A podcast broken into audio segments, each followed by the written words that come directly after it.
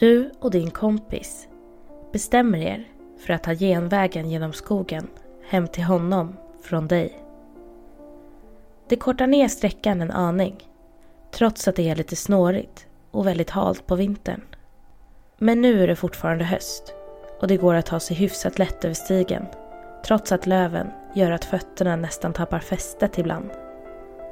Det är redan mörknat. Fan vad ni vill bort från Sverige när det är så här jäkla mörkt redan vid fem. Ni småpratar när ni går. Han går framför dig och du bakom. Din kompis går och kastar runt lite med sin fotboll som han tänkte ta hem. Den har legat hos dig ett tag. Han dribblar lite ibland och lyfter upp den ibland när det blir lite välhalt. Plötsligt ropar han. Ta emot! Och så sparkar han bollen rätt upp och bakåt i hopp om att du ska rädda den lite snyggt. Men bollen går alldeles för högt. Den kommer faktiskt inte ens ner. Ni tittar er omkring och den har fastnat på en gren några meter upp i en björk. Vad i helvete, muttrar du. Han frågar om du kan klättra upp och ta ner den. Han har så dåliga skor. Du gör som han säger och börjar hasa dig upp långsamt, gren efter gren. Då går plötsligt ena grenen av. Den du precis har lagt all din tyngd på. Du skriker till och faller handlöst mot marken. När du ligger och försöker hämta andan hör du en viskning i örat. Du tog något från mig, så då tar jag något från dig. Du tittar dig runt för att se vem det var. Men du ser varken den som viskat eller din kompis.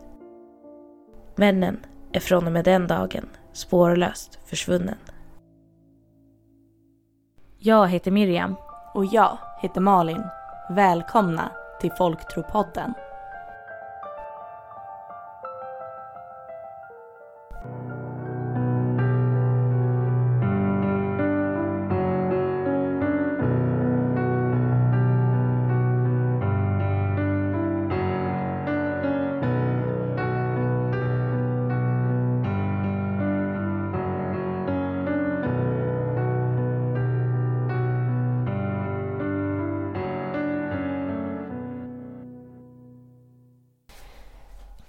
Hej och välkomna tillbaka! Taggad? Något? Nej, jag, jag är superförkyld så jag ber om ursäkt om jag sitter och snorar lite här. Det är sådana tider nu. Ja, det är det. Den här eh, varelsen som vi kommer prata om idag har ju varit önskad av många. Vi märker ju att vi har mycket dator och tv-spelsmänniskor som lyssnar på vår podd.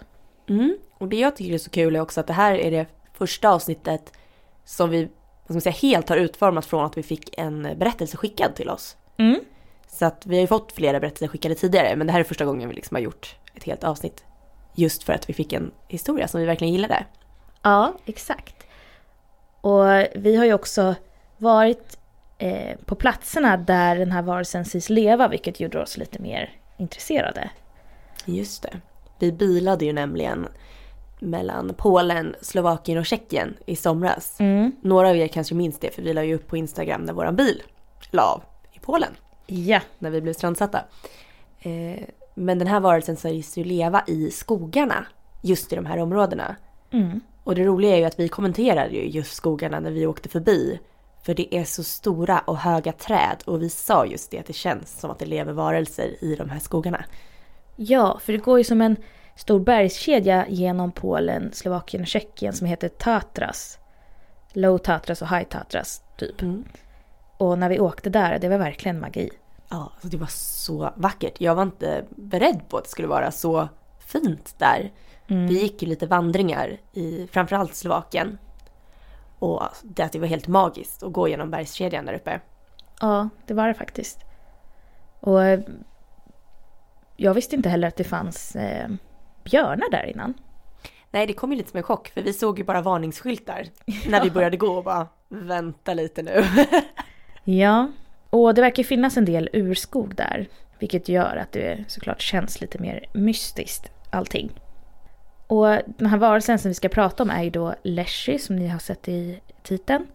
Eh, Men de flesta av er har inte önskat just Leshy utan ni har önskat Leshen. Och det är ju en eh, karaktär i eh, The Witcher. Och The Witcher då, är det ett spel? Ja, det är det. Säger jag som inte alls är insatt. Jo men jag, jag eh, satt och kollade lite YouTube-filmer också. Vi, fick, vi har fått lite så länkar också av mm, lyssnare. Där de typ slåss mot den. Och den här då, Leshen är då väldigt starkt inspirerad av Leshy. Och det var inte mycket som skiljer dem åt egentligen. Tyckte jag. Det hör man, det hör man ju på namnet också. Att mm. ja, de är i princip samma. Det är väl så lite utseendemässigt som de skiljer sig åt. Men även Leshen är ju så här, håller till i skogen och så. Ja, vad spännande. För det här var ju så roligt för att Leshy var ju ingenting jag hade hört om alls innan vi fick det här tipset och började Nej. läsa på. Och det är ju sådana varelser som vi har sagt tidigare, det är det vi tycker är så kul. När man får lära sig om de här helt nya. Visst är det kul att grotta ner sig i de här gamla kända också, men mm. det finns något roligt i att möta nya varelser. Ja men det gör ju verkligen det. Och ja, men det, är ju, det är ju många av er som har lyssnat framförallt på typ Lamarste och sådär. Så vi märker ju att de här figurerna från spel är populära. Mm. Jo men vi har ju förstått det som att det är många av er som håller på med både rollspel och även gamar. Mm. Vilket är jätteroligt. För då får man möta ganska mycket nya varelser. Ja, vi, vi har inte, även om vi två inte är så insatta i någon av de sakerna så har vi ändå lite erfarenhet av det. Vi har ju liksom vänner så som har hållit på med både mycket spel och, och rollspel. Mm. Jag spelade ju faktiskt mycket rollspel när jag var liten. Mm. För min, ja, framförallt min storebror håller ju på mycket med det. Ja, och jag har ju alltid varit lite mer av en datorspelsnörd kanske ja, än dig. absolut. Det har varit prat om att dina föräldrar vill ju jättegärna testa rollspel. Så vi har ju pratat om att våra familjer ska spela rollspel ihop. Det har inte blivit av än, men det är fortfarande på tapeten. Långtgående prat. ja, våra föräldrar är ju också bra vänner. Mm. Ja, nej men vi kommer väl igång då. Och vi ska väl börja läsa lite fakta om Leshy.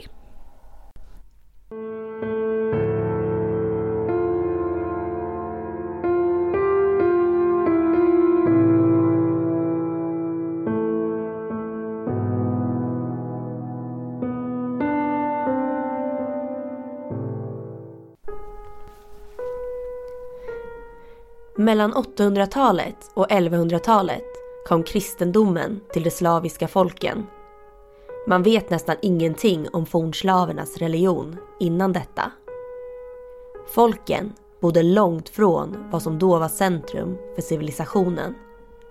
Och det finns mycket få texter om denna tid. Men genom en liten del funnen skrift och en del arkeologiska fynd har man fått se en bild om vad folken då trodde på. I de djupa skogarna runt Polen, Slovakien och Tjeckien har människor sedan länge trott att det bor en sorts beskyddare av skogen. Man har trott att Leshy är en god ande eller demon som valde att skydda och ta hand om sitt stora hem. Vissa trodde till och med att om en skog släppte in mycket ljus och innehöll mycket frukt och bär så var den väl omhändertagen. Men om skogen istället var mörk och snårig kunde det vara så att Leshy hade dött. Man trodde alltså att varje skog hade en egen Leshy som såg efter den. Gick man vilse i en fin skog kunde en god Leshy hjälpa en att hitta dit man var på väg Rötterna till att man tror på Leshy är svåra att finna. Men han tros ha talats om redan innan kristendomen kom till slaverna. Däremot finns det numera varianter där han sägs komma direkt från djävulen. Eller att han från början är någon sorts fallen ängel. Ofta sägs han vara lite fräck och busig. Och ibland kan man höra honom skrattandes i skogen eller visslandes och sjungandes. Det är inte många som sägs ha sett honom. Utan främst finns det historier från de som har hört honom. Vissa tror också att han har både fru och barn som kan synas i skogarna. När han väl syns till sägs han ha ett mänskligt utseende. Trots att han saknar ögonbryn, ögonfransar och höger öra. Hans huvud är något spetsigare än ett vanligt huvud och han har varken hatt eller bälte. Han har långt hår och hans ögon ser speciella ut. Antingen gröna eller gula som en katts. Vissa säger att han i just urskogarna är lika hög som träden han vaktar. Men att han snabbt krymper när han lämnar dessa delar av skogen. De slaviska folken har främst hört honom via hörsägen.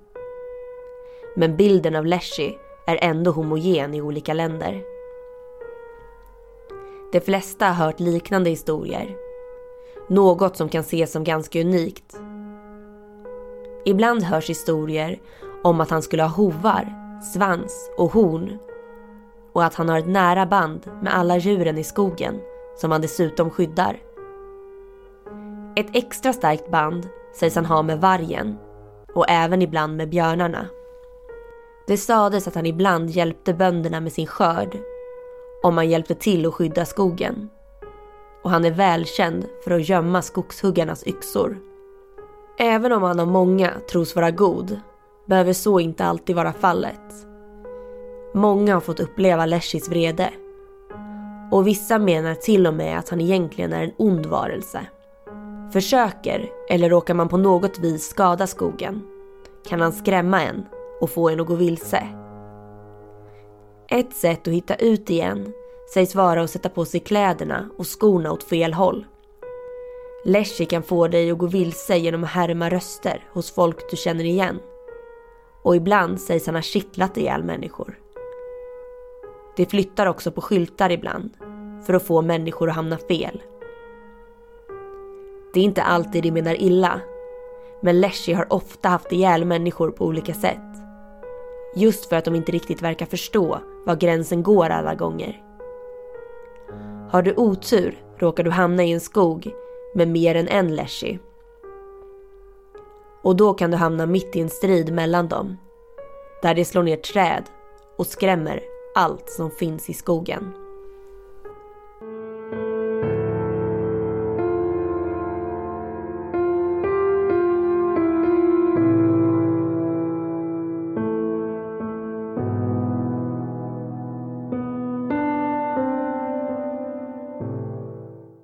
Det första jag tänker på, eller tänkte på när jag läste in den här faktan, det är ju att det här är väldigt likt skogsråt.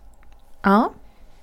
Just att Leshy vaktar skogen och är egentligen god. Även skogsråt vill ju bara väl. Hon skyddar djuren och skyddar skogen. Men kan... Det kan gå åt helvete om du inte sköter dig. Ja, exakt. Och det är väl lite samma där, att i de flesta historier så är det så att skogsråt eller då Leshy är god men kan bli ond. Men i vissa stories så är de liksom onda från början. Typ att skogsråt förför män. Eller då att Leshy är liksom kommer från djävulen. Mm. Och inte det då också, för som vi läste i faktan, det finns ju en Leshy i varje skog. Mm. Så att Leshy är ju inte bara en varelse, precis som skogsråt. Just det. Och som sagt, som vi har diskuterat så många gånger förut, att de här varelserna har ju också personligheter. Mm. Jag tänkte säga det finns seriemördare bland dem också, eller på så här. Men att eh, det är olika personligheter och du kanske har oturen att stöta på en mer argsint Leshy. Mm. Eller en mer förlåtande Leshy. Så är det nog säkert. Och ibland verkar de ju då till och med ha dött om skogarna har, ehm, är liksom i dåligt skick och väldigt snåriga och sådär. Men eh, jag har hört flera när jag sökte fakta då som skrev om att Leshy är väldigt likt The Ritual-monstret och att de måste ha fått inspiration från det.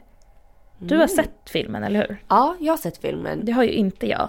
Den utspelar sig ju i de svenska skogarna. Monstret i The Ritual, det här kanske blir lite spoiler för er som Mm. tänker se den. Så att eh, då får man hoppa lite framåt. Men monstret är ju extremt lik en ja, Wendigo eller en Leshy då. då. Ja. Men mycket, mycket större. Den är ju jättestor. Så att mer som de säger där med att Leshy kan bli väldigt stor när han är i urskogarna. Mm. Att den är ju flera, flera meter hög. Har Okej. väldigt långa ben. Jag minns det som att den går på alla fyra dock. Uh. Ja. Okej, ja men det är väl just det här att det är urskogskänslan då antar Ja. jag. Jo men jag kan absolut se inspirationen. Mm. Väldigt lik våran, ja men våran omslagsbild faktiskt. Det är exakt det i huvudet med stora hornen och... Och Leschi kallas ju också för eh, typ Polens Wendigo och så ibland. Mm, det är så. Ja.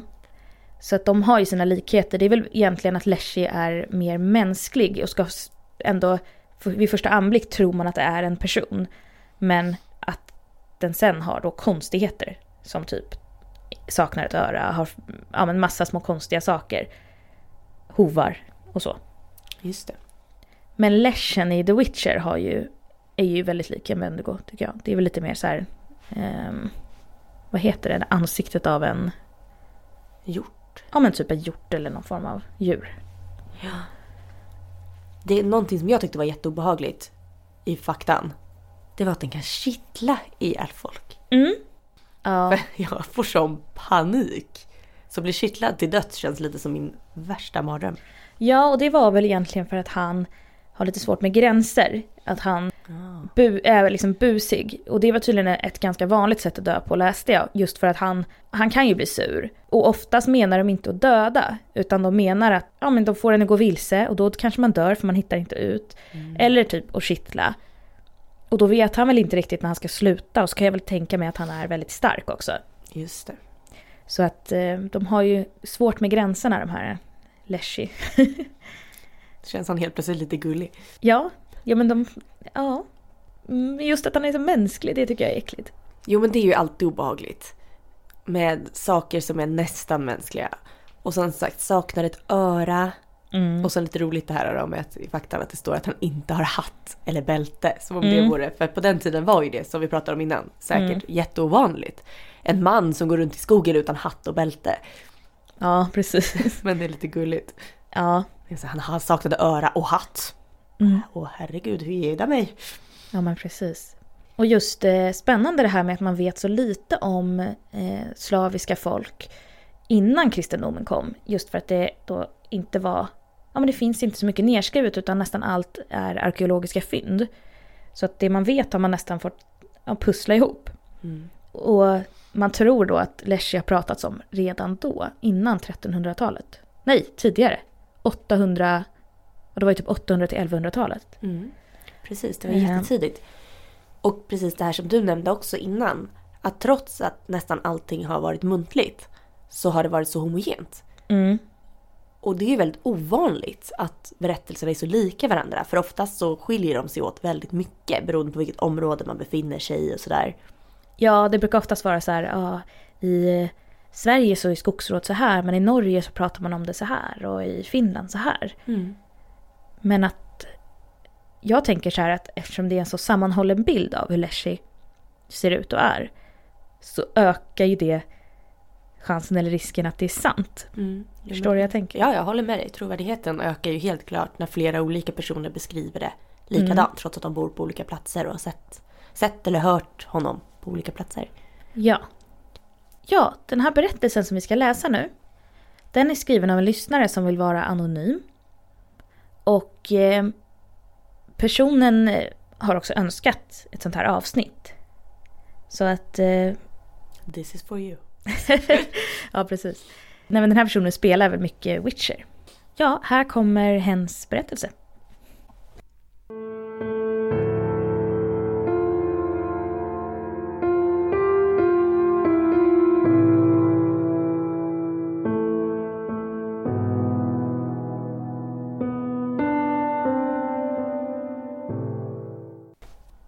Det har gått ett år nu och jag ligger fortfarande sömnlös efter den där kvällen i juli då jag var den enda av fem att överleva. Vi var ett gäng på fem grabbar som brukade hänga ihop. Vi var lite stökiga och många såg ofta snett på oss eller rent av svor åt oss när vi cruisade genom byn i Stefans svarta pickup med hög musik spelandes genom nervevade fönsterrutor. Det sket vi i och skrek ibland tillbaka. Särskilt Stefan brukade skrika åt folk att hålla käften eller dra åt helvete. Det var nästan alltid öl inblandat oavsett om vi var ute eller inne. Stefan och Lasse åkte alltid fram och var de som lät mest och högst.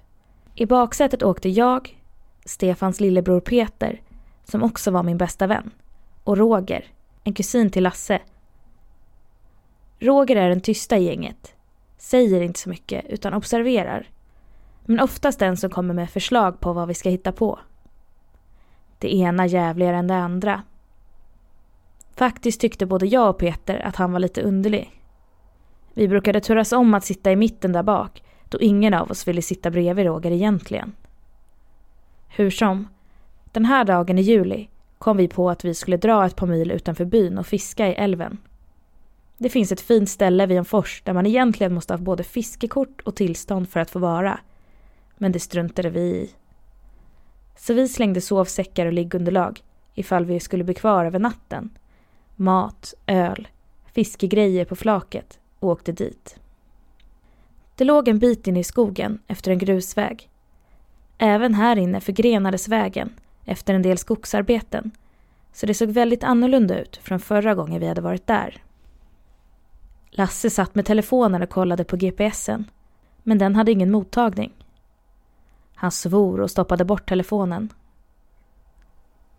Vi fortsatte att åka efter den ojämna vägen medan vi spanade efter skylten som markerade avfarten till fiskestället. Bara hyggen med sly på båda sidor. Plötsligt blev det mycket mörkare och kallare i luften. Jag tittade upp från min mobil, som var lika signallös som Lasses, och såg att vi kommit in bland träd. Borta var hyggena som vi åkt bredvid så länge och här var nu en urskog. Tallarna och granarna var tjocka och höga. Jag såg inte topparna när jag försökte se upp genom fönstret på bilen. Svarta lavar hängde från grenarna och marken var täckt av lingon och blåbärsris. Här hade aldrig några skogsmaskiner varit. Det blev omedelbart en lite tryckt stämning i bilen. Den här skogen kändes så uråldrig och ogästvänlig. Vi hörde inte hemma där.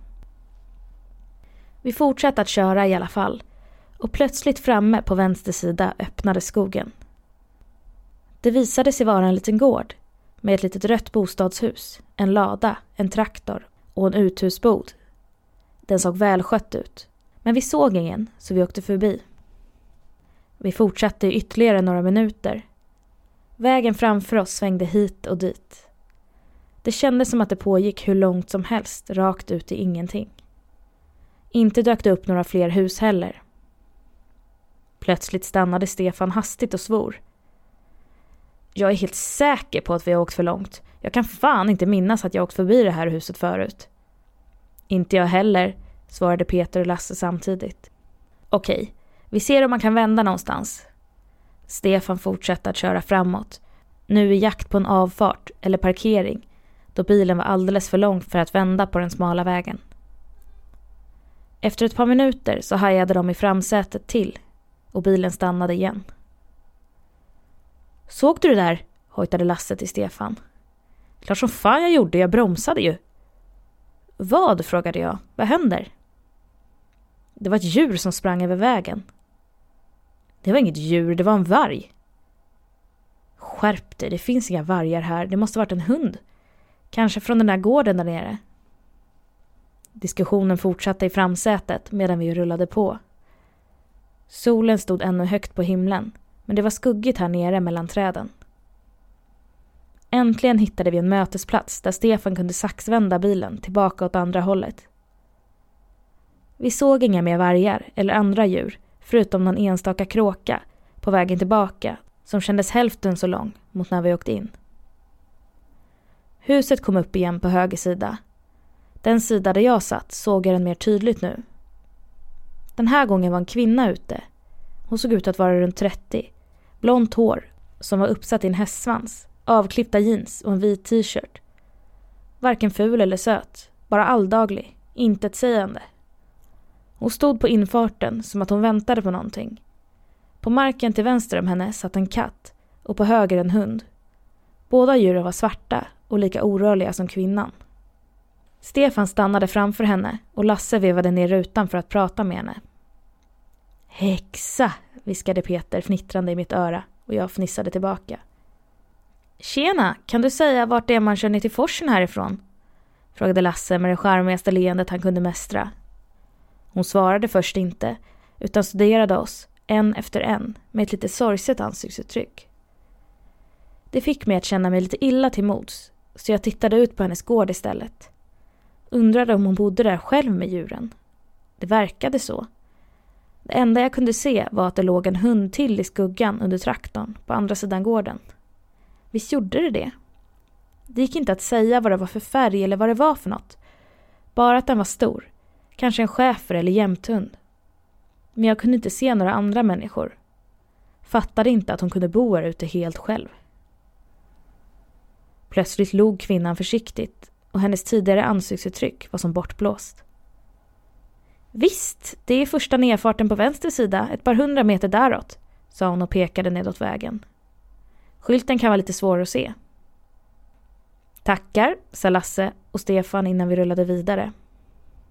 Jag försökte se kvinnan genom att trycka näsan mot rutan.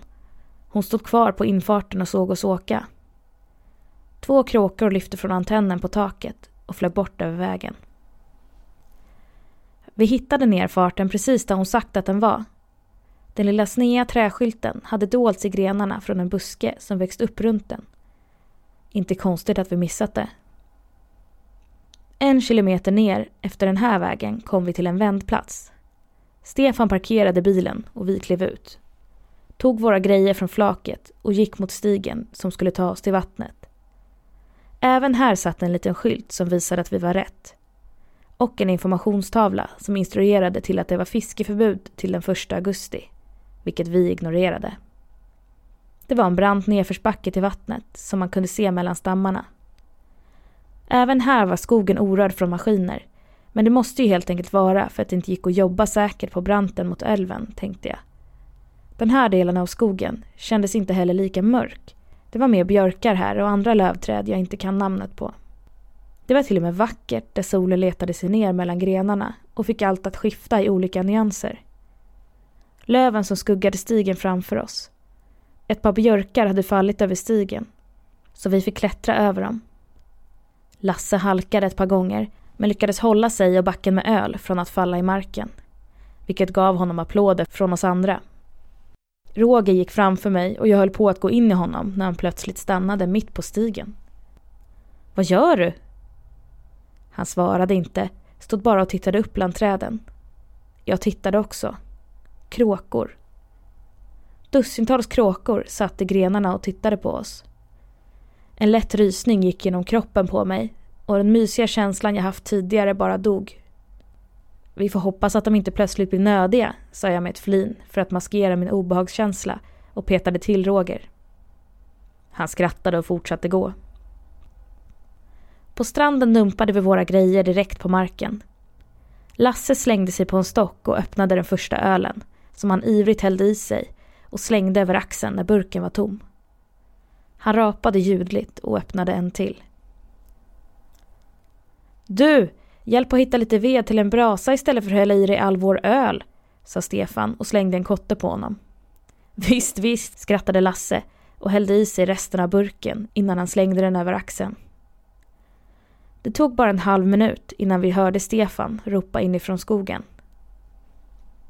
Kom hit och titta på något coolt, vi la ner fiskegrejerna och gick och mötte de andra i skogen. De stod och studerade något mellan ett par träd. Det bästa jag kan komma på att beskriva det som var ett totem. Den var en meter hög, byggd av stenar och ben och sammanbundet av rötter, är tjockare i mitten och så två tvärgående armar. Den övre bredare än den nedre. Högst upp satt ett litet kranium från något djur, kanske en räv. Fan vad läskigt! gnällde Peter. Fan vad mesig du är, sa Lasse och sparkade sedan sönder den så delarna flög. Han tog den lilla skallen och slängde den mot Peter som äcklat ryggade tillbaka. De andra skrattade. Jag å andra sidan fick en känsla av att det vi just gjort var väldigt, väldigt dumt. Vi gick tillbaka till stranden.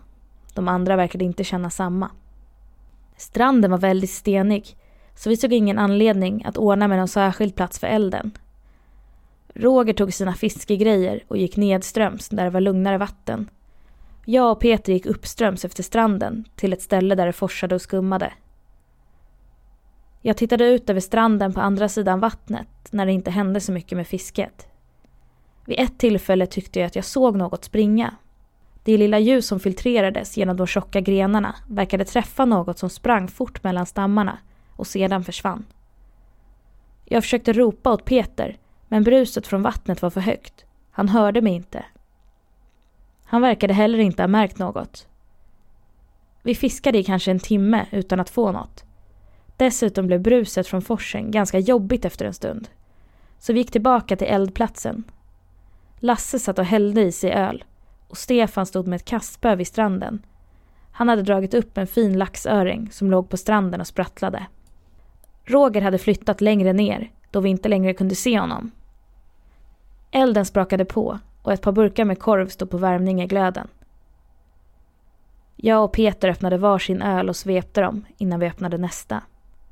Korven blev klar och Stefan övergav fisket och kom och käkade. Plötsligt reste sig Stefan upp, lite vingligt, och gick bort i sin ryggsäck. Han rotade runt lite i den och hittade det han sökte. Det visade sig vara en revolver.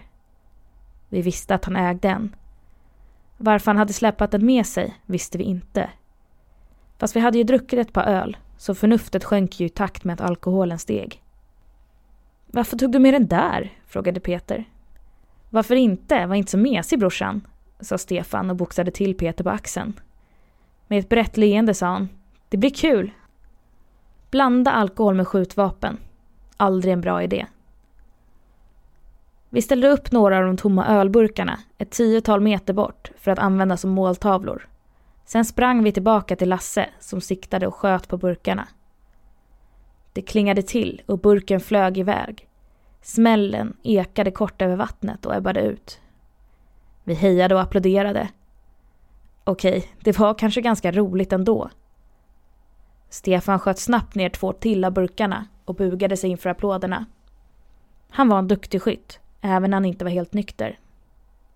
Roger hade hört smällarna och kom joggandes upp för stranden tillbaka. Han hade också fått en öring som han bar med sig. När han såg vad som hände saktade han in och kom upp till oss. Lasse räckte honom en öl och tog sen pistolen från Stefan. Siktet var lite ostadigare för honom och när han tryckte av dammade det till i en av stenarna längre ner på stranden. Han svor och provade igen. Den här gången träffade han en tall uppe i skogen bakom burkarna. Vi kunde inte hålla oss för skratt och Lasse svor ännu mer. Han höjde revolvern igen, blundade med ena ögat, siktade noga, svajandes. En burk flög iväg och vi jublade allihopa. Lasse räckte pistolen till Peter som nervöst tog emot den. Revolven klickade. Här, sa Stefan och sträckte fram handen. Peter räckte honom den och Stefan tömde tomhylsorna på marken och laddade med van hand om innan han gav tillbaka vapnet. Kulan träffade stocken som burkarna stod på och splitter flög. Han skrattade hysteriskt och sköt en gång till. Det försvann in i skogen någonstans. Han fortsatte skratta som en idiot när han räckte den till mig. Jag ville egentligen inte skjuta, men gjorde det ändå. Det stod två burkar kvar på stocken jag missade. Solen sjönk och skuggorna blev längre. Över brasan stektes nu de båda fiskarna på spett som Roger gjort i ordning. Stefan tog tillbaka pistolen och sköt skickligt ner de sista burkarna. Det var en kula kvar och han såg sig om efter en lämplig måltavla. En kråka landade på en gren i trädet som Lasse hade skjutit. Han siktade på den och tryckte av. Kråkan föll till marken och ekot efter skottet dränktes av hundratals vingar som samtidigt tog luft. Trädkronorna hade varit fulla av kråkor. Hundratals lättade från grenarna och flög kraxande över våra huvuden, över älven, till andra sidan och spreds i alla riktningar. Himlen blev för ett ögonblick mörk. Vi frös fast av chocken. Jag hade glömt fåglarna vi sett tidigare men hade aldrig kunnat föreställa mig att det var så många. Vi bara stirrade på varandra efter att de försvunnit. Det enda som hördes var elden och forsen. Det var en olustkänsla för mycket för mig.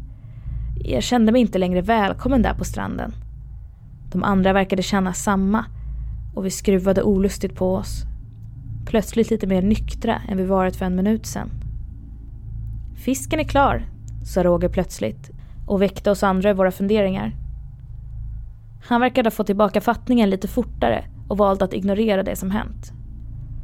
Vi satte oss runt elden och delade upp fisken mellan oss, drack lite mer öl och glömde snart bort att det hade varit något ganska onaturligt som nyss hade hänt. Solen sjönk ännu mer och himlen blev röd. Här skulle vi bli kvar i natt, så jag och Peter gick upp till bilen och hämtade sovsäckar och liggunderlag. Vi hade inga tält, så det fick bli under bar himmel. Medan jag plockade med grejerna så märkte jag hur Peter stelnade till bredvid mig. Han stirrade över flaket in i skogen.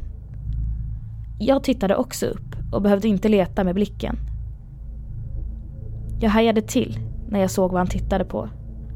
På andra sidan bilen, inte mer än tio meter bort, stod en varg. Det gick inte att ta fel den här gången. Den betraktade oss med gula ögon och sänkt huvud.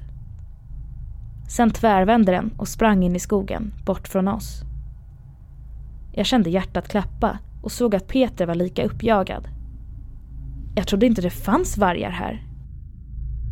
Det måste varit en hund, du vet, från den där gården där borta. Jag visste att det inte var så, men försökte nog övertala både mig och Peter om annat. Jäkla människa inte hålla reda på sina djur och bara låta dem springa omkring sådär hur som helst. Peter lät även han som att han försökte övertala sig själv om att det faktiskt var en hund och inte en varg vi sett. Vi hade nästan helt övertygat oss själva när vi hörde ylandet. Nu var det absolut inga tvivel kvar och inga övertalningar i världen skulle hjälpa. En isande kyla spred sig längs våra ryggar och vi tog det vi höll i och sprang och halkade ner till killarna på stranden. Andfådda kom vi in i värmen från elden. Vi slängde oss ner.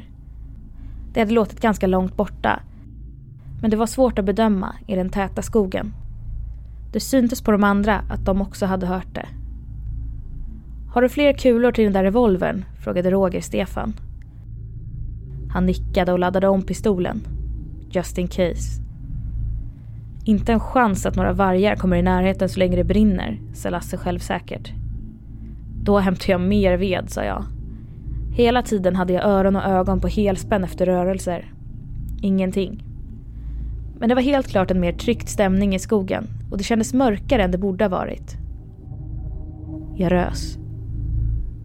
Tillbaka i lägret hade de andra rullat ut sina liggplatser i en cirkel runt elden. Någon måste vara vaken och hålla liv i elden. Det får väl bli jag som börjar då, sa jag, när de andra bara nickade. De började somna en efter en. Men jag satt på helspänn och lyssnade. Solen hade nu försvunnit under horisonten, men himlen var fortfarande blodröd.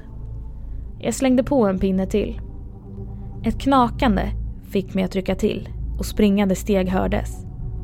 Ingen av de andra reagerade. Jag satte mig upp och stirrade omkring. Något vitt skymtade mellan träden. Det kom närmare. Jag greppade en gren som vapen utifall att, men såg snart att det var en människa. Det var kvinnan från gården som sprang mot oss. Hennes hår var utsläppt och rufsigt och hon stannade kanske tio meter ifrån mig inne bland träden och tittade på mig. Med en blick som verkade se rätt igenom mig och utan att verka andfådd efter språngmarschen. Ni skulle inte ha stannat. Ni har gjort honom arg nu, sa hon monotont. Va? Vem pratar du om? frågade jag förvirrat. Hon svarade bara med Ni skulle ha gett er iväg. Aldrig kommit hit. Utan att ge några tecken på att hon faktiskt hört mig. Ett fruktansvärt vrål ekade plötsligt genom skogen.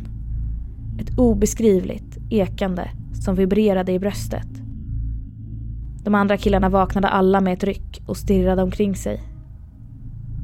Nu är det för sent. Han är här nu, sa hon innan hon vände och sprang tillbaka in i skogen. Vi ställde oss alla upp med ryggarna mot varandra runt elden och stirrade ut bland träden. Det var nästan helt mörkt nu och det var svårt att se något. En rörelse syntes kanske hundra meter in i skogen. Något stort som kom emot oss. Det försvann bakom en stam och dök sedan upp flera meter längre fram, bakom en annan. Jag kunde inte säga något. Rösten fastnade i halsen och jag bara pekade in i skogen. Peter bredvid mig grinade av rädsla. Lasse hade fått tag i revolven först och sköt in i skogen mot vad det nu var som rörde sig mot oss. Jag vet inte om han träffade. Det verkade i alla fall inte ha någon som helst effekt på varelsen. Den kom ännu närmare och jag började kunna urskilja detaljer. Den var overkligt hög. Säkert tre meter. Kroppen och benen var långa och smala och verkade vara gjorda av bark, grenar och mossa omvirat med slingerväxter. De långa armarna slutade i händer med enorma vita klor. Men huvudet var nog det som skrämde mig mest. Jag måste erkänna att jag var nära att skita ner mig. Huvudet bestod av en vit skalle med tomma ögonhålor. Ett hjortkranium med ett par enorma taggiga horn som tornade sig upp ovanför den. Varelsen vrålade igen och den här gången var jag tvungen att hålla för öronen. Jag blundade och hoppades att det skulle vara borta om en sekund när jag öppnade dem. Istället hade den flyttat närmare och nu stod den bara fem meter bort, precis där stranden mötte träden. Jag skrek. Alla skrek. Varelsen höjde en arm mot oss och bakom honom ilade skuggor ut i ljuset från elden. Vargar. Vi började springa. Alla i varsin riktning. Jag kastade mig i vattnet och vände mig om för att se vad som hände på stranden. Peter och Stefan försökte springa upp för stigen till bilen men flera vargar hoppade mot dem och slet i deras ben. Sen var det som att skogen blev levande och grenar sträckte sig mot dem. Rötter kom upp ur marken och slingrade sig runt dem. Båda skrek och försvann bakom de morrande grå rovdjuren som slängde sig över dem. Roger sprang nedströms där han hade varit och fiskat tidigare. Rötter och grenar kom från ingenstans, snodde sig om hans ben och fick ner honom på knä. Han ryckte häftigt till när en kraftig rot höjde sig bakom honom och sedan med våldsam kraft drev rakt genom hans bröstkorg. Jag såg honom bakifrån och när roten kom ut genom hans rygg sprutade blodet. Han ropade kvävt till och försökte ta sig loss. Men grenen växte igenom och runt honom tills den slingrade runt hans hals och kvävde ut det sista han hade. Lasse stod på stranden och sköt mot varelsen tills revolven klickade och klickade. Jag såg hur kulorna träffade varelsen. Det verkade mest som att den blivit irriterad över att ha fått ett insektsbett. På ett ögonblick stod den framför Lasse på stranden. Jag såg allt från vattnet.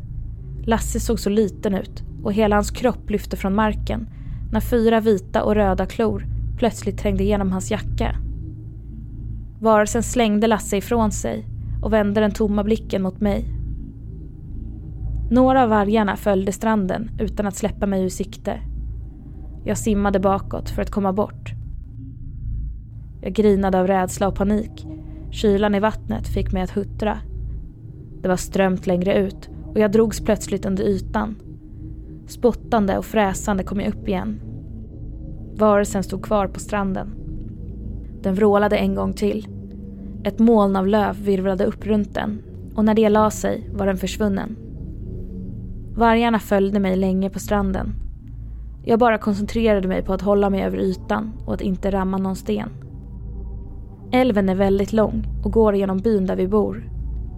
Jag måste ha förlorat medvetandet. Eller i alla fall minnet. För nästa sak jag vet är att jag ligger på en strand nere i byn, flera mil nedströms från fiskeplatsen.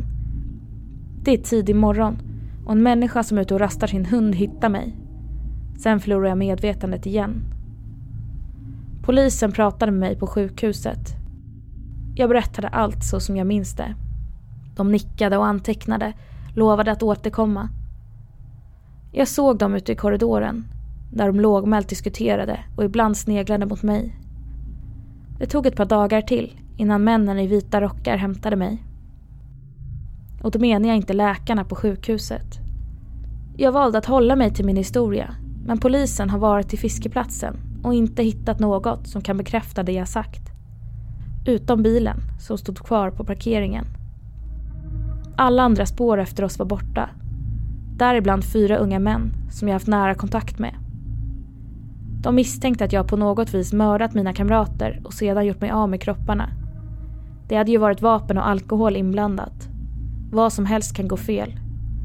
De hade också pratat med kvinnan som bara berättat att hon pekat ut vägen för fem killar men sen inte hade sett dem igen. Tills vidare blev jag inlagd på mentalsjukhus. Det känns tryggt. Det är galler för fönstren och ingen skog i närheten. Medan jag skriver det här försöker jag ignorera kråkorna som samlas i björken utanför mitt fönster.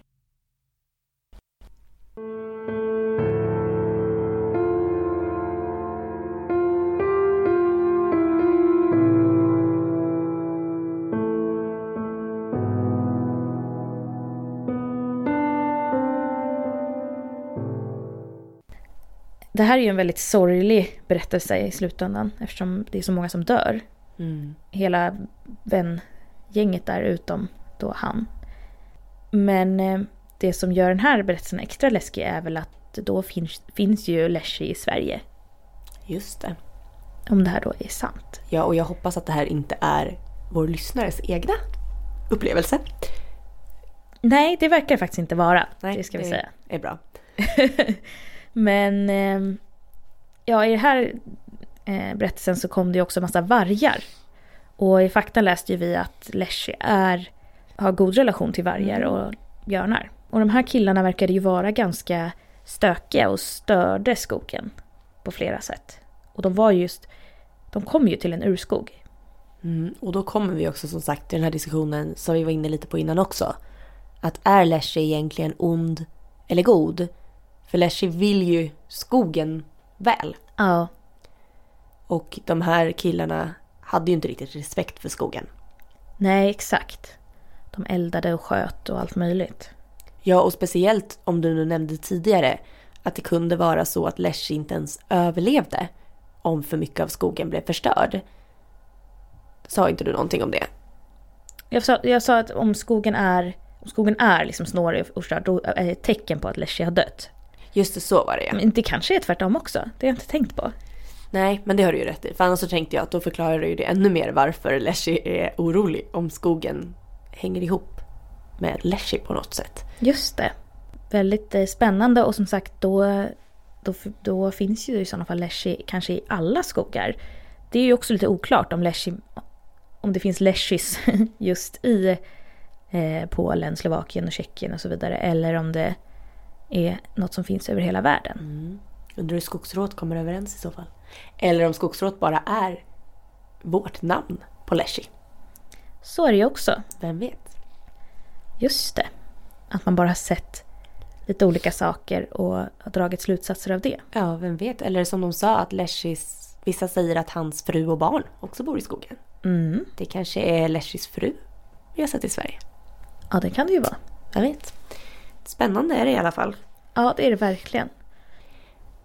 Men eh, om man ska försöka tänka lite då vad det kan vara. Så, så tänker jag att en sak är väl att han blir lite som en förespråkare för att man ska skydda naturen. Alltså att man ska behandla djur och natur väl. Absolut, det tror jag det ligger mycket i. Jo, just det. Jag tänker också att han kanske kan förklara att man hör så konstiga ljud och sånt. För de säger att de flesta inte har sett honom utan att man hör honom. Att man var rädd för skogar och så. Ja, och det kan jag ju tänka mig att när man går runt i en skog, det börjar skymma och vinden kan ju låta riktigt obehaglig när det är mellan träden och det är nog väldigt lätt att föreställa sig att man hör saker som man egentligen inte hör. Ja. Och också just det här med att gå vilse och så då. Att det förklarar varför skyltar tycks ha flyttat på sig. Och... Jo, lite det här som vi pratade om när vi pratade om skogsråt också. Att det var ett sätt att förklara varför så många människor försvann i skogen. Jag tror att vi nämnde det redan i Skinwalker-avsnittet tror jag, vårt allra första. Att Jack Werner pratar om att förr i tiden var ju skogen det mest outforska, outforskade stället vi hade. Och därför så var det så lätt att hitta på myter och historier kring skogen. För vi visste inte vad som fanns där inne. Väldigt många människor jobbade i skogen och försvann spårlöst. Man Ja. visste inte var de hade tagit vägen. Och idag så är det internet som är vårt nya ställe som är outforskat och där det finns så mycket saker vi inte förstår. Och att numera skapas det så mycket varelser som är kopplade till internet istället. Ja, spännande. Eh, Men vi kommer behöva avsluta här. Och eh, ja, vad ska man säga om man vill ge en liten hint om nästa vecka då? Ja, då kan vi väl säga att nästa veckas varelse, Syns till på stränder ibland. det kan man göra. Det är kanske är allt vi behöver säga. Ja, Och eh, jo, finns även i Sverige kan vi säga. det gör den absolut. Men ni vet var ni hittar oss. Mm. Facebook, Instagram, Folktropodden. Ni kan mejla till oss om ni själva har berättelser som ni vill att vi tar upp på folktropodden gmail.com. Vi har en Patreon om man vill hjälpa till och sponsra podden. Ja. Okej, ni får ha det så bra så länge. Ja, hej då! Tack för att ni lyssnat.